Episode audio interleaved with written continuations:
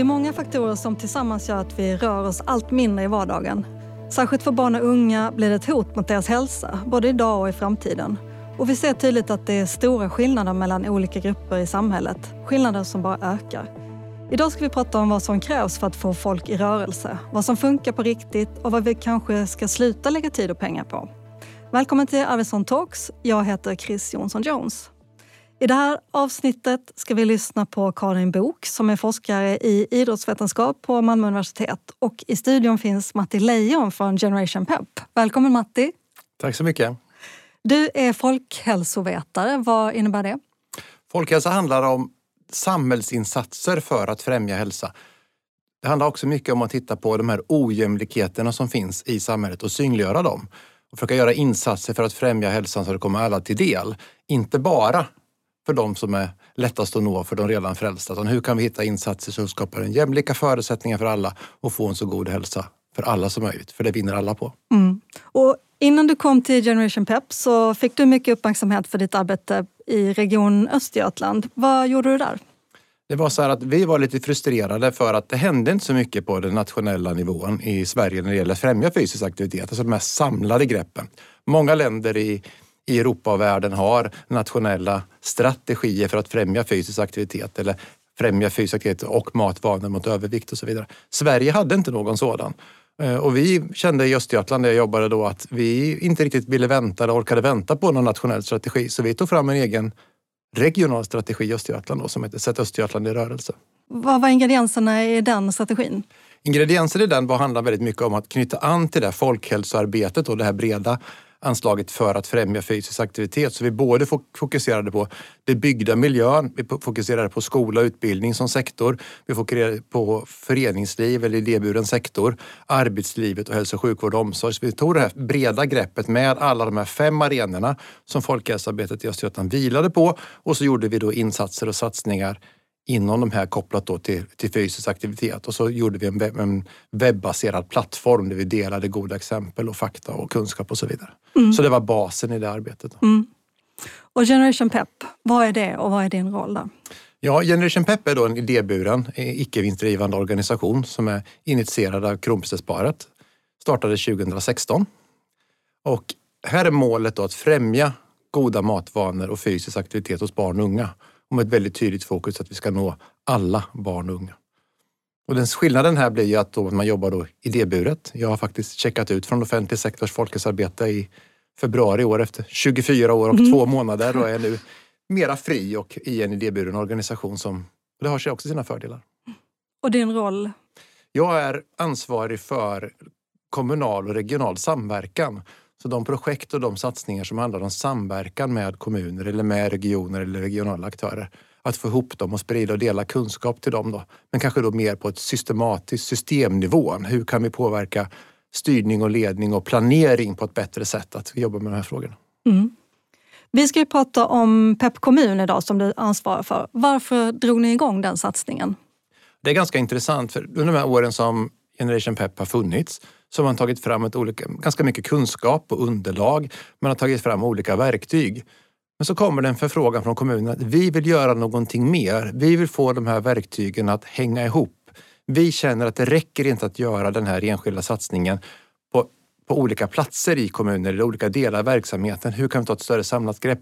Kan inte ni ta fram någonting? Så efterfrågan och hela projektet kommer egentligen underifrån. Och hela idén med projektet och hur vi arbetar handlar också om att vi tillsammans med de här kommunerna i projektet utvecklar kunskap, försöker hitta hindren och möjligheterna i det här. Man pratar mycket om det här med co-creation eller tillsammans och samverkan och då framförallt samverkan på riktigt. Mm. Du ska berätta mer om Pep kommun och inte minst om aktiva transporter som är en viktig del. Men först ska vi få lite bakgrund i vilka utmaningar som finns när det gäller rörelse, inte minst hos barn och unga. Och vi ska lyssna på Karin Bok som är lektor i idrottsvetenskap på Malmö universitet. Karin Boks forskning ligger i skärningspunkten mellan urban geografi och idrottsvetenskap och hon har ägnat sig mycket åt samspelet mellan urban utveckling och planering och idrott och fysisk aktivitet.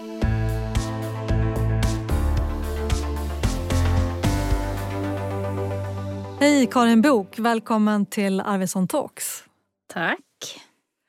Du, vad är det som gör att barn och unga rör sig så lite idag? Ja, det, det finns ganska många anledningar. Dels handlar det om att barn har fått intressen som eh, ofta är stillasittande. Vi kan kalla det för skärmarnas lockelse. Sen har vi ju fått ett samhälle som bygger på teknologiska lösningar, att vi inte behöver anstränga oss så mycket utan vi kan få maten hemkörd och vi kan få hjälp med det mesta och vi behöver inte gå i trappor och så vidare. Samhällsplaneringen såklart, att vi har byggt samhällen och städer som inte alltid främjar fysisk aktivitet, även om vi nu mera försöker gå mot mer hälsofrämjande planering igen. Och sen skulle jag nog också vilja säga att föräldrarna är en stor anledning. Att föräldrarna, föräldrarnas omsorg och trygghetsiver gör att man inte låter barnen själv röra sig runt i stadsmiljön eller i, i bostadsområdet. Att man kör barnen till aktiviteter till skolan och det påverkar den fysiska aktiviteten i hög utsträckning. Eh, och barns begränsade självständiga mobilitet som ju är viktig för den fysiska aktiviteten.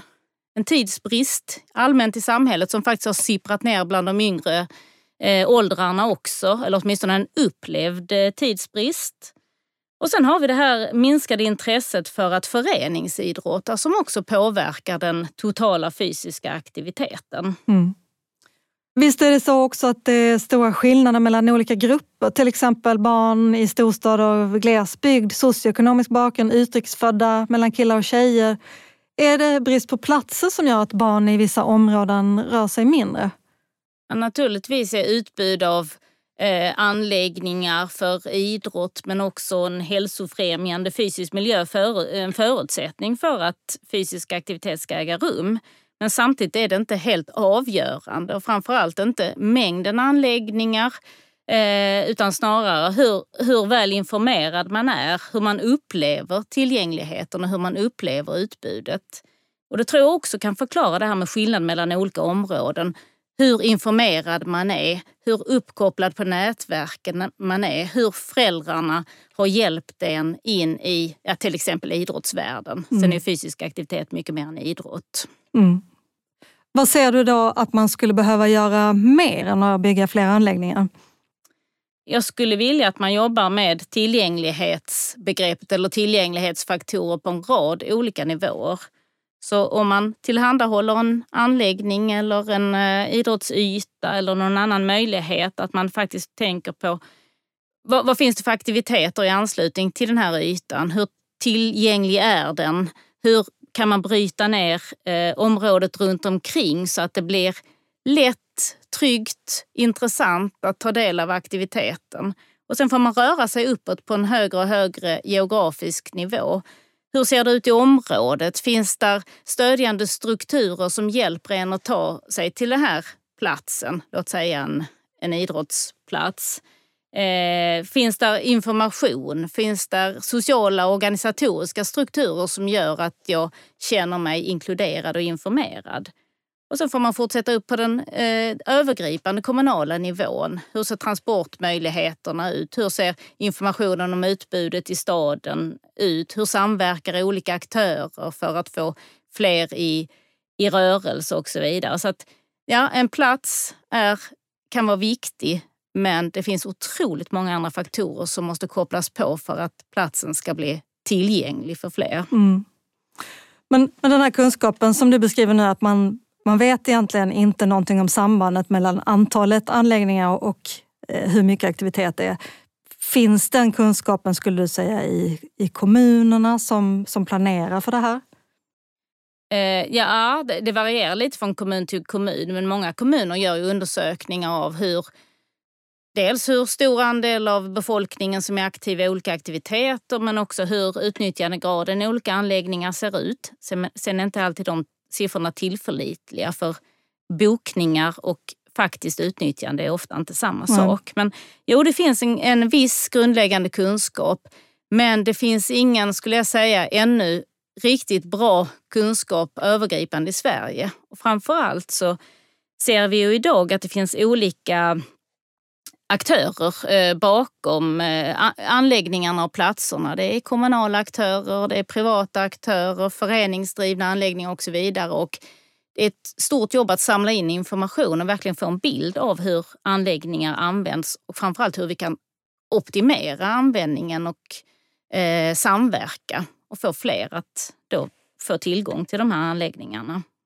Så den helhetskunskapen är det ingen som sitter på idag då menar du? Nej, eh, ingen har eh, den fullständiga kunskapen. Centrum för idrottsforskning har eh, just nu en projektanställd som jobbar med att bygga upp en eh, kunskapsbas kring detta. SKR eh, genomför eh, statistiska undersökningar men vi har ännu ingen heltäckande kunskap om det.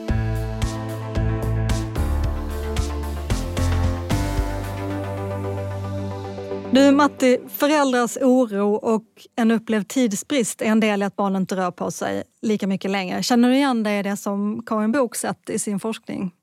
Men framförallt just det med tidsbristen. Vi har ju mer olika aktiviteter som slåss om våran vakna tid, både barn och unga. Äh, ägnar vi mera tid till våra skärmar? Ägnar vi mera tid till att ja, olika, alltså transportera oss längre sträckor och eh, ja, vi följer tv-serier och så vidare och spelar spel och sånt. Då blir det mindre tid till annat, till umgänge, till fysisk aktivitet och så vidare. Jag blev förvånad över att det faktiskt inte finns en helhetsbild av vilka anläggningar som finns för idrott. Eh, vad tänker du om det? jag blir nog inte så förvånad egentligen. Det, det är väl också en sak som vi kan återkomma till projektet sen, men ofta har man inte riktigt koll på vad olika delar av kommunen gör eller en verksamhet gör eller vad det finns för förutsättningar i, en kommun. Och det är klart att få ett samlat grepp hur det ser ut nationellt, jag förstår att det kan vara svårt. Mm. Både spontan och organiserad idrott är viktigt för vardagsmotionen men inom projektet Pep kommun så jobbar ni med andra saker. Bland annat aktiva transporter som en viktig pusselbit. Kan du berätta lite om det?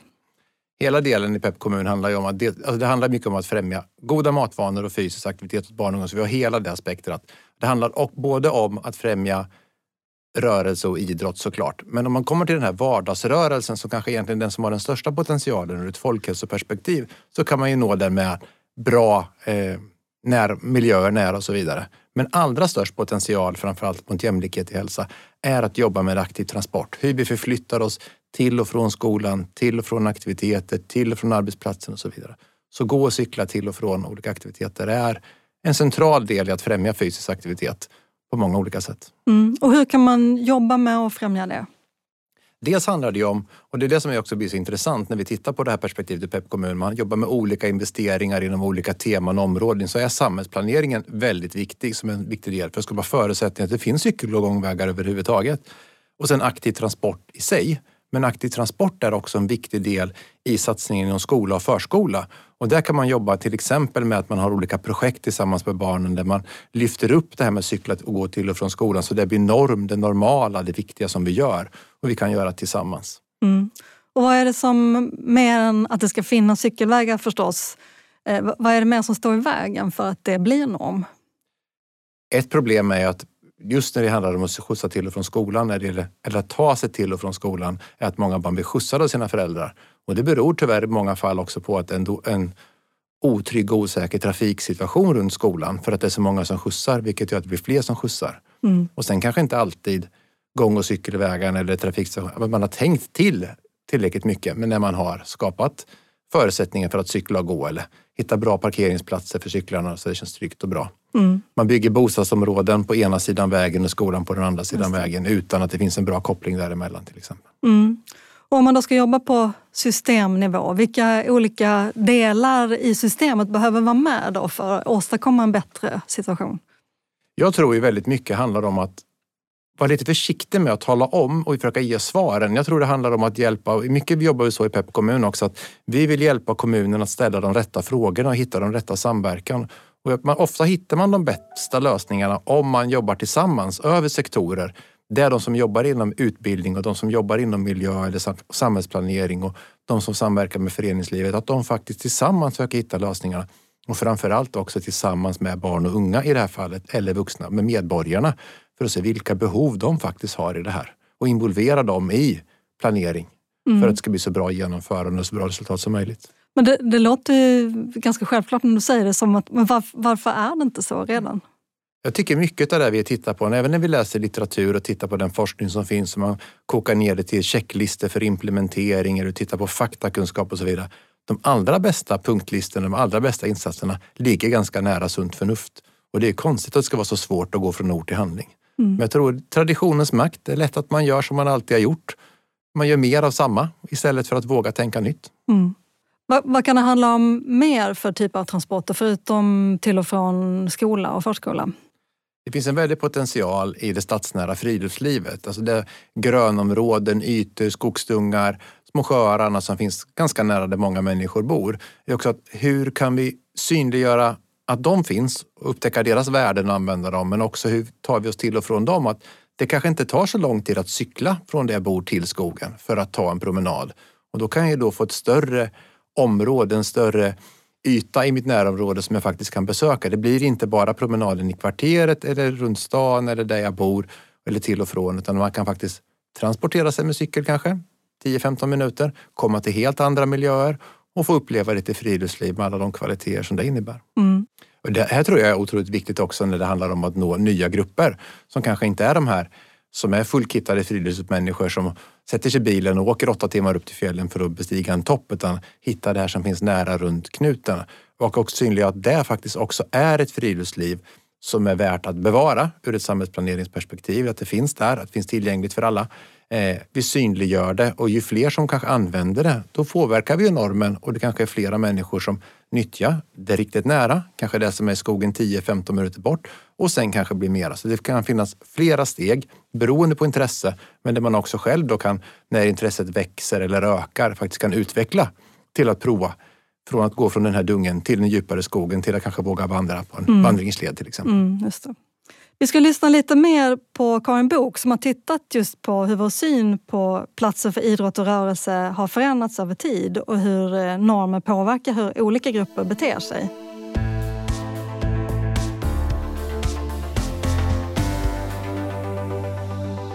Karin, diskussionen då om eh, fysisk aktivitet och hur den ska ta plats i stadsrummet, hur har den förändrats över tid? Om vi tittar på den kommunala planeringen så har man sett ett skifte under de senaste 10-15 åren. För ja, 20, 30, 40 år sedan så planerade man för den traditionella föreningsidrotten. Man byggde idrottshallar, eh, man byggde idrottsplatser och så vidare i hög utsträckning. Det var så man skulle få människor i rörelse. Sen för 15 år sedan så såg man ett skifte. Dels mot idrott eh, som upplevelseindustri, att man byggde storskaliga arenor som kanske snarare syftade till att, eh, eh, att man skulle kunna sätta staden på kartan och locka till sig evenemang. Eh, och sedan började också intresset för offentliga aktivitetsytor öka. Och det här skiftet från det mer traditionella mot å ena sidan upplevelseanläggningarna och å andra sidan eh, de offentliga aktivitetsytorna har att göra med dels att man såg en nedgång i föreningsidrotten, att föreningsidrotten inte längre eh, ansågs stå för uteslutande goda värden. Man såg nya aktivitetstrender i befolkningen och man såg det här ökade stillasittandet. Men vad skulle du säga är nästa steg? Vad tror du kommer hända nu eller vart är vi på väg? Jag tror att ökad samverkan, det kommer att eh, bli väldigt betydelsefullt. Men det handlar också om, i det här fallet, att öppna upp för fler. Att göra anläggningarna lite intressantare och lite tillgängligare för fler.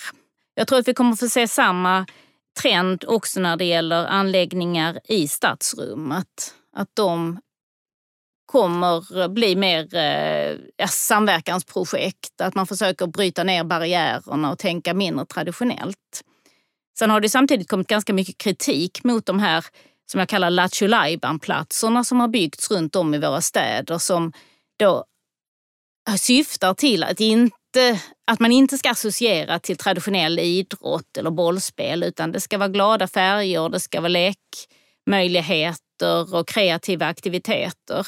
Eh, och det är inte alltid att de heller används så mycket som man har, hade hoppats.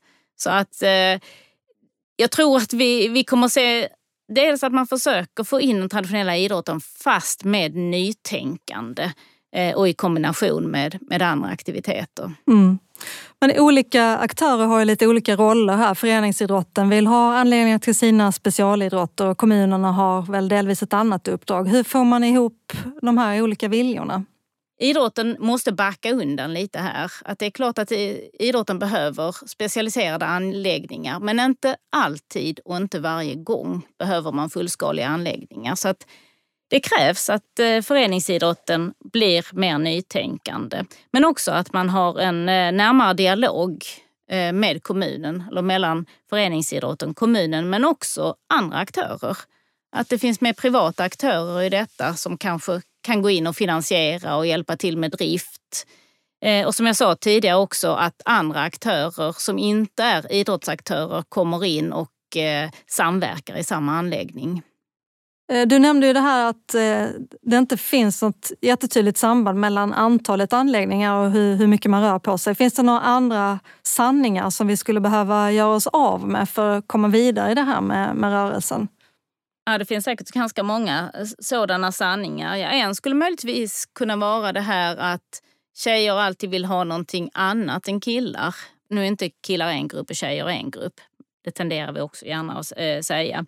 Men det är faktiskt så också att det är inte alltid det är aktiviteterna det är fel på. Tittar vi på eh, föreningsidrottande så ser vi att fotboll är största idrotten också bland tjejer. Mm. Men tittar man på aktivitetsytor i staden så domineras de helt av killar, alltså eh, om vi tänker fotbollsytor. Då är det ju någonting annat vi måste titta på än själva aktiviteten. Så jag tror att, eh, att inte alltid bara tänka i helt andra termer eller aktiviteter utan tänka på hur utformar vi platsen? Hur hjälper vi folk att använda den? Hur bryter vi ner barriärerna? Hur in, eh, introducerar vi platsen till fler?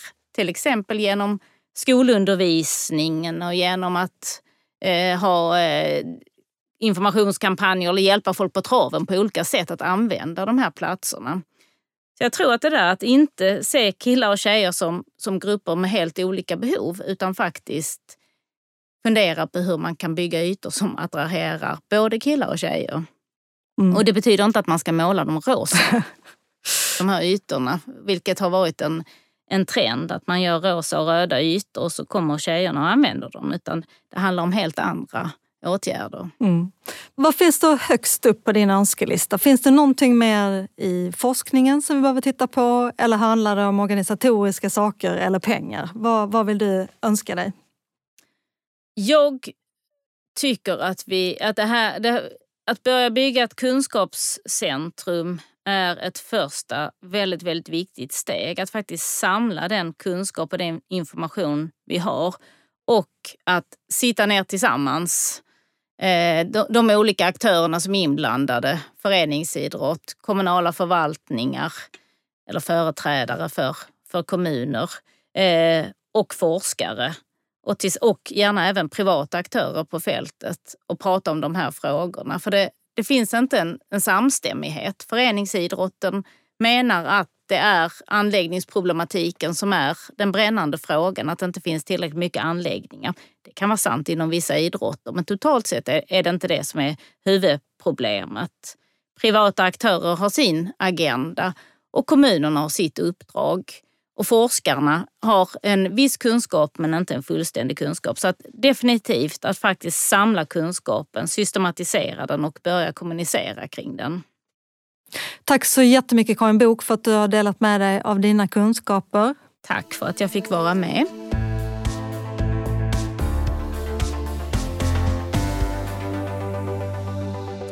Matte, vad tänker du, här Karin säger att idrotten måste backa? Jag tänker så här att vi har en fantastisk folkrörelse i Sverige och idrotten är en väldigt stor som engagerar väldigt många.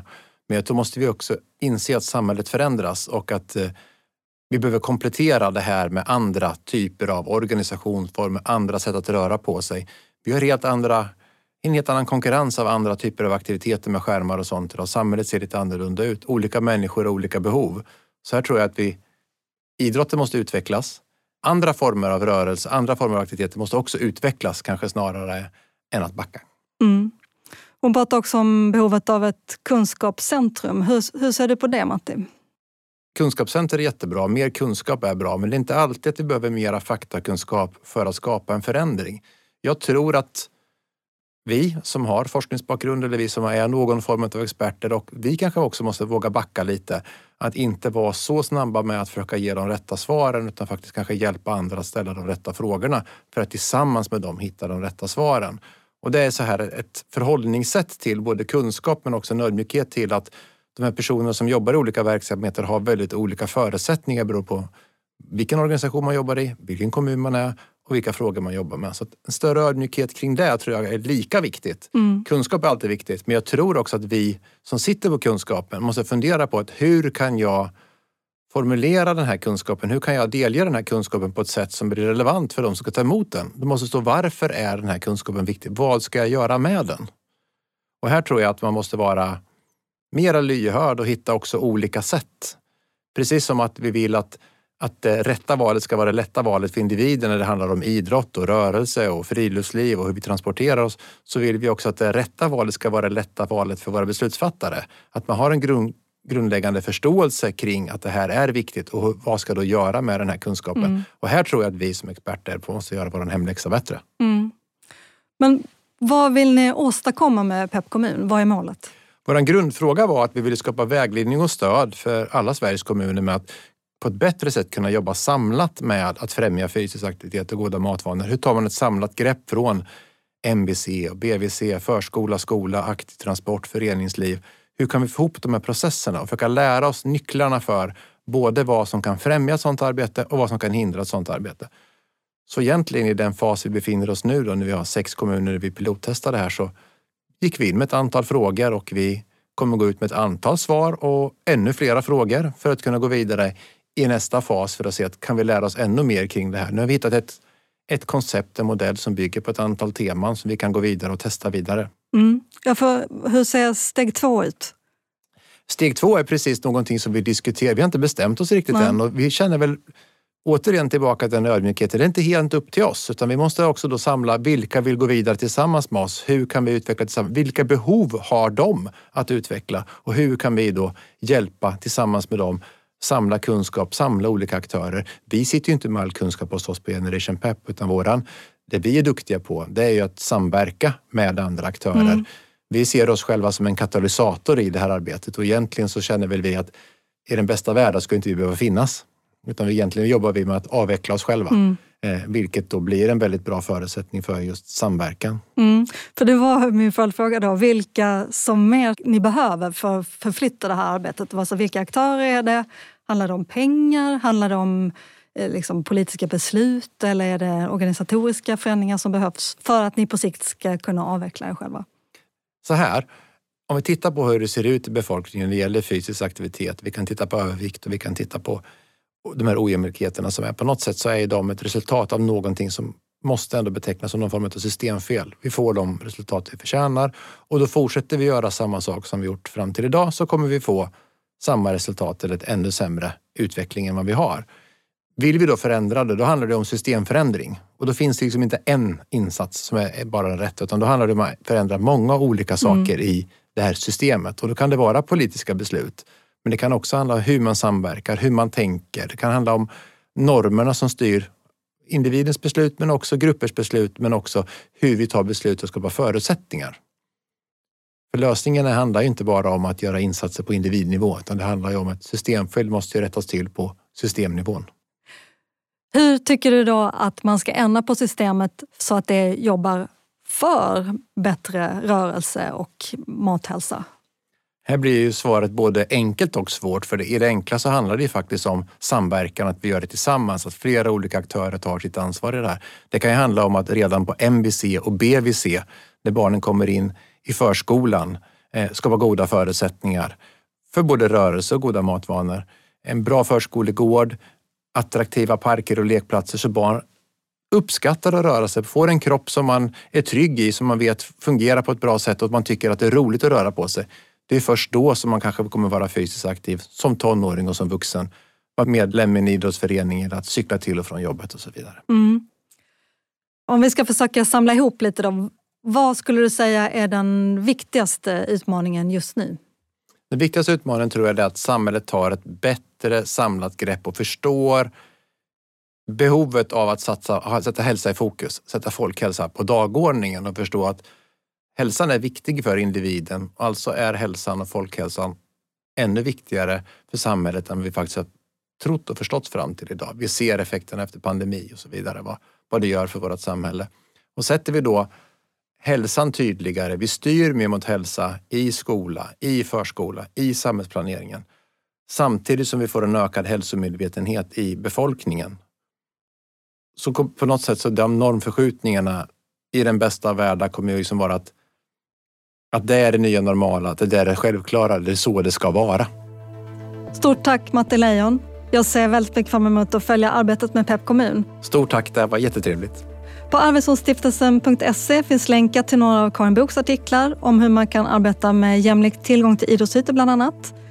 Och mer information om arbetet med Pep kommun. Tack också alla som har lyssnat. Vi hörs snart igen. Hej då! Hej då!